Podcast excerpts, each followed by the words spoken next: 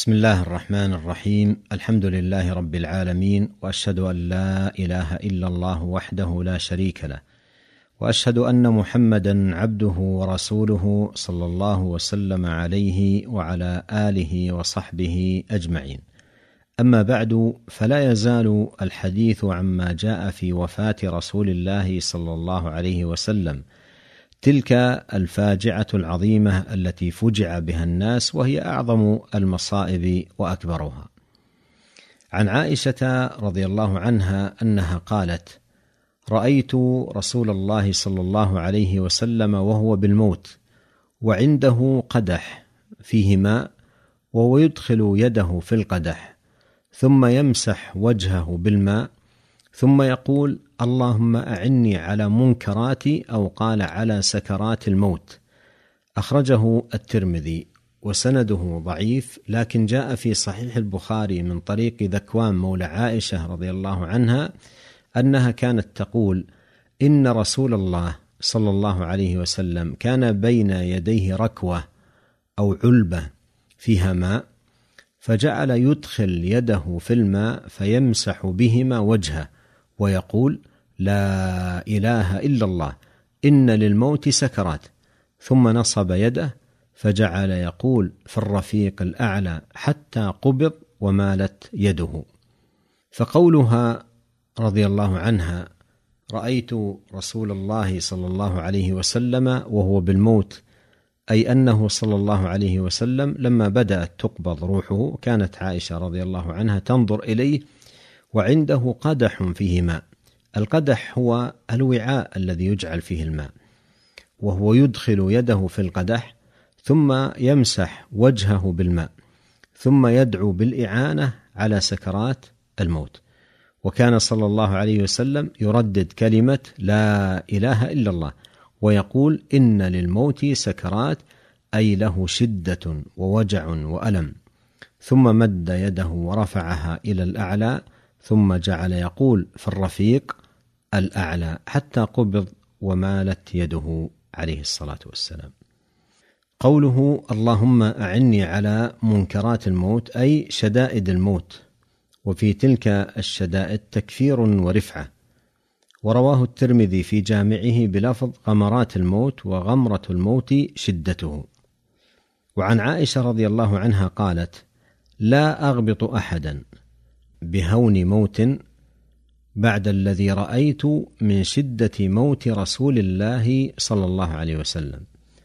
أخرجه الترمذي وسنده ضعيف لكن جاء عنها في صحيح البخاري ما يشهد له حيث قالت عائشة رضي الله عنها مات النبي صلى الله عليه وسلم وإنه لبين حاقنتي وذاقنتي فلا أكره شدة الموت لأحد ابدا بعد النبي صلى الله عليه وسلم. قولها لا أغبط أحدا بهون موت بعد الذي رأيت من شدة موت رسول الله صلى الله عليه وسلم. تعني لو أنها علمت أن أحدا مات ميتة هينة سهلة ليس فيها وجع ولا ألم ولا تعب لم تكن لتغبطه لأن النبي صلى الله عليه وسلم أصابه في لحظاته الأخيرة عند موته شدة ووجع شديد وهو أفضل عباد الله وخير خلق الله صلى الله عليه وسلم. وما يصيب النبي عليه الصلاة والسلام من شدة المرض وسكرات الموت بسبب أن له أجرين عند الله سبحانه. لما جاء في صحيح البخاري من حديث ابن مسعود رضي الله عنه قال أتيت النبي صلى الله عليه وسلم في مرضه وهو يوعك وعكا شديدا. وقلت إنك لتوعك وعكا شديدا. قلت إن ذاك بأن لك أجرين. قال أجل. ما من مسلم يصيبه أذى إلا حات الله عنه خطايا كما تحات ورق الشجر. وعن عائشة رضي الله عنها قالت لما قبض رسول الله صلى الله عليه وسلم اختلفوا في دفنه. فقال أبو بكر رضي الله عنه سمعت من رسول الله صلى الله عليه وسلم شيئا ما نسيته. قال ما قبض الله نبيا إلا في الموضع الذي يحب أن يدفن فيه. ادفنوه في موضع فراشه. أخرجه الترمذي. اختلافهم رضي الله عنهم في دفنه من جهتين الأولى هل يدفن أو لا يدفن؟ والثانية إن كان يدفن ففي أي مكان يدفن عليه الصلاة والسلام. قولها فقال أبو بكر سمعت من رسول الله صلى الله عليه وسلم شيئا ما نسيته هذا لتأكيد الخبر وتثبيته. قال ما قبض الله نبيا إلا في الموضع الذي يحب أن يدفن فيه. وهو صلى الله عليه وسلم قبض في حجرة عائشة رضي الله عنها على فراشه. فاتفق الصحابة رضي الله عنهم بناء على هذا الحديث واستنادا إلى هذه الرواية التي نقلها لهم صديق الأمة رضي الله عنه على دفنه صلى الله عليه وسلم في موضع فراشه. فحفر أبو طلحة رضي الله عنه تحت فراشه الذي مات عليه صلى الله عليه وسلم ودفن هناك. وعن ابن عباس وعائشة رضي الله عنهم أن أبا بكر رضي الله عنه قبل النبي صلى الله عليه وسلم بعد ما مات. أخرجه البخاري. كان أبو بكر رضي الله عنه في بيته في العالية فأرسلوا إليه فجاء الناس مجتمعون حول بيت عائشة فطلب أن يفسح له الطريق ودخل والنبي صلى الله عليه وسلم مغطى فكشف الغطاء عن وجهه وعرف أنه صلى الله عليه وسلم قد مات فوضع رضي الله عنه فمه بين عيني حبه رسول الله صلى الله عليه وسلم على جبهته وقبله تقبيل وداع. ويستفاد من هذا جواز تقبيل الميت مثل أن يقبل المرء جبهة والده أو والدته أو عالم بعد وفاته على سبيل التوديع له. وعن أنس بن مالك رضي الله عنه قال لما كان اليوم الذي دخل فيه رسول الله صلى الله عليه وسلم المدينة أضاء منها كل شيء فلما كان اليوم الذي مات فيه أظلم منها كل شيء وما نفضنا أيدينا من التراب وإنا لفي دفنه صلى الله عليه وسلم حتى أنكرنا قلوبنا. أخرجه الترمذي وابن ماجه. يصور أنس رضي الله عنه في هذا الحديث لوعة القلوب وألم النفوس واشتداد الخطب على الصحابة رضي الله عنهم يوم مات النبي صلى الله عليه وسلم وحق لهم ذلك. فيذكر رضي الله عنه موازنة بين اليوم الذي أطل فيه النبي صلى الله عليه وسلم بطلعته الكريمة داخلا المدينة النبوية واليوم الذي قبضت فيه روحه صلى الله عليه وسلم. فيقول لما كان اليوم الذي دخل فيه رسول الله صلى الله عليه وسلم المدينة أضاء منها كل شيء. فلما كان اليوم الذي مات فيه أظلم منها كل شيء. وهذا فيه هول الأمر وعظم الخطب الذي ألم بالناس في أرجاء المدينة. وأصبحوا يعيشون فاجعة هي كبرى الفواجع. فأظلمت الأرض في أعينهم. واشتد الألم في قلوبهم. قوله وما نفضنا أيدينا من التراب وإنا لفي دفنه صلى الله عليه وسلم أي بعد دفنه صلى الله عليه وسلم مباشرة حتى أنكرنا قلوبنا أي أنهم أنكروا قلوبهم من الألم والشدة لا تكذيبا أو شكا أو ضعفا في الإيمان. ودفن الصحابة له من دلائل موته عليه الصلاة والسلام. وفيه رد على من يزعم أن النبي صلى الله عليه وسلم لم يمت. إذ لو كان ذلك حقا لكان معنى ذلك أن الصحابة رضي الله عنهم دفنوا نبيهم صلى الله عليه وسلم وهو حي وهذا لا يقوله عاقل. فالنبي عليه الصلاة والسلام قد مات موتا حقيقيا باعتبار هذه الحياة الدنيا.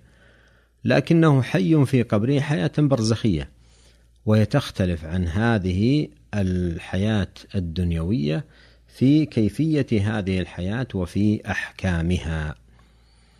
وعن عائشة رضي الله عنها قالت توفي رسول الله صلى الله عليه وسلم يوم الاثنين. أخرجه الترمذي.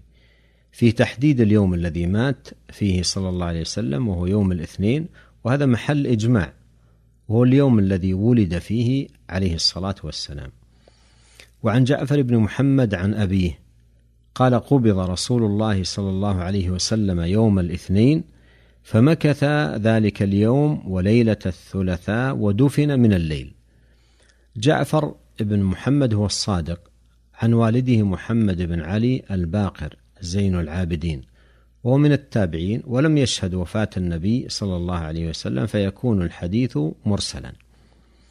وقال سفيان وقال غيره يسمع صوت المساحي من آخر الليل. قوله قبض رسول الله صلى الله عليه وسلم يوم الاثنين فمكث ذلك اليوم وليلة الثلاثاء ودفن من الليل أي ليلة الأربعاء. قوله يسمع صوت المساحي من آخر الليل المساحي التي يجرف بها التراب وهي من الحديد. وقد ذكر بعض أهل العلم أن الدفن تأخر إلى هذا الوقت ليتمكن الناس من الصلاة عليه. فكانوا يصلون عليه صلى الله عليه وسلم أوزاعا في حجرة عائشة رضي الله عنها وهي لا تحتمل إلا أن لنفر قليل.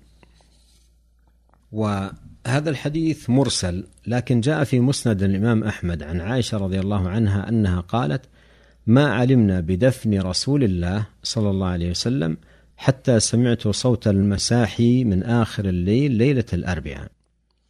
هذا ولقد نعي إلى النبي صلى الله عليه وسلم موته قبل يوم وفاته بشهور عديدة. ففي شهر رمضان الذي هو آخر رمضان صامه عليه الصلاة والسلام عارضه جبريل بالقرآن مرتين. وقد كان يعارضه في القرآن في كل رمضان مرة واحدة. فقال عليه الصلاة والسلام ولا أراني إلا قد حضر أجلي. ثم في حجة الوداع لما حج النبي صلى الله عليه وسلم وفي أوسط أيام التشريق نزل عليه قول الله عز وجل إذا جاء نصر الله والفتح ورأيت الناس يدخلون في دين الله أفواجا فسبح بحمد ربك واستغفره إنه كان توابا. فعرف عليه الصلاة والسلام أنه الوداع. فخطب الناس عليه الصلاة والسلام خطبة بليغة فأمرهم ونهاهم ووعظهم ووصاهم وذكرهم وذكرهم بالله وقال لهم عليه الصلاة والسلام في خطبته تلك لعلي لا ألقاكم بعد عامي هذا. وأخذ يودع الناس فعرف ذلك العام بعام الوداع. ونزل عليه يوم الجمعة عشية عرفة قول الله تعالى اليوم أكملت لكم دينكم وأتممت عليكم نعمتي ورضيت لكم الإسلام دينا. ولم ينزل بعد هذه الآية حلال ولا حرام إلى أن قبض عليه الصلاة والسلام فهي آية نزلت مشعرة بدنو أجل النبي صلى الله عليه وسلم ومبينة إلى أن مهمة البلاغ التي بعث بها قد قام بها عليه الصلاة والسلام على التمام والكمال. فما ترك خيرا إلا دل الأمة عليه ولا شرا إلا حذرها منه. فتركهم على محجة بيضاء وطريقة واضحة غراء ليلها كنهارها لا يزيغ عنها بعده إلا هالك. تركهم على دين كامل وعقيدة وافية وعبادة تامة وأخلاق كاملة فتمم الله عز وجل به الدين وأكمله. وما ترك خيرا إلا دل الأمة عليه ولا شرا إلا حذرها منه. فجزاه الله عن أمة الإسلام خير ما جزى نبيا عن أمته. وصلى الله عليه وسلم تسليما كثيرا. ونسأل الله عز وجل أن يرزقنا حسن اتباعه والسير على منهاجه صلوات الله وسلامه عليه. إنه تبارك وتعالى سميع قريب مجيب. سبحانك اللهم وبحمدك أشهد أن لا إله إلا أنت أستغفرك وأتوب إليك. اللهم صل وسلم على عبدك ورسولك نبينا محمد وآله وصحبه أجمعين. والسلام عليكم ورحمة الله وبركاته.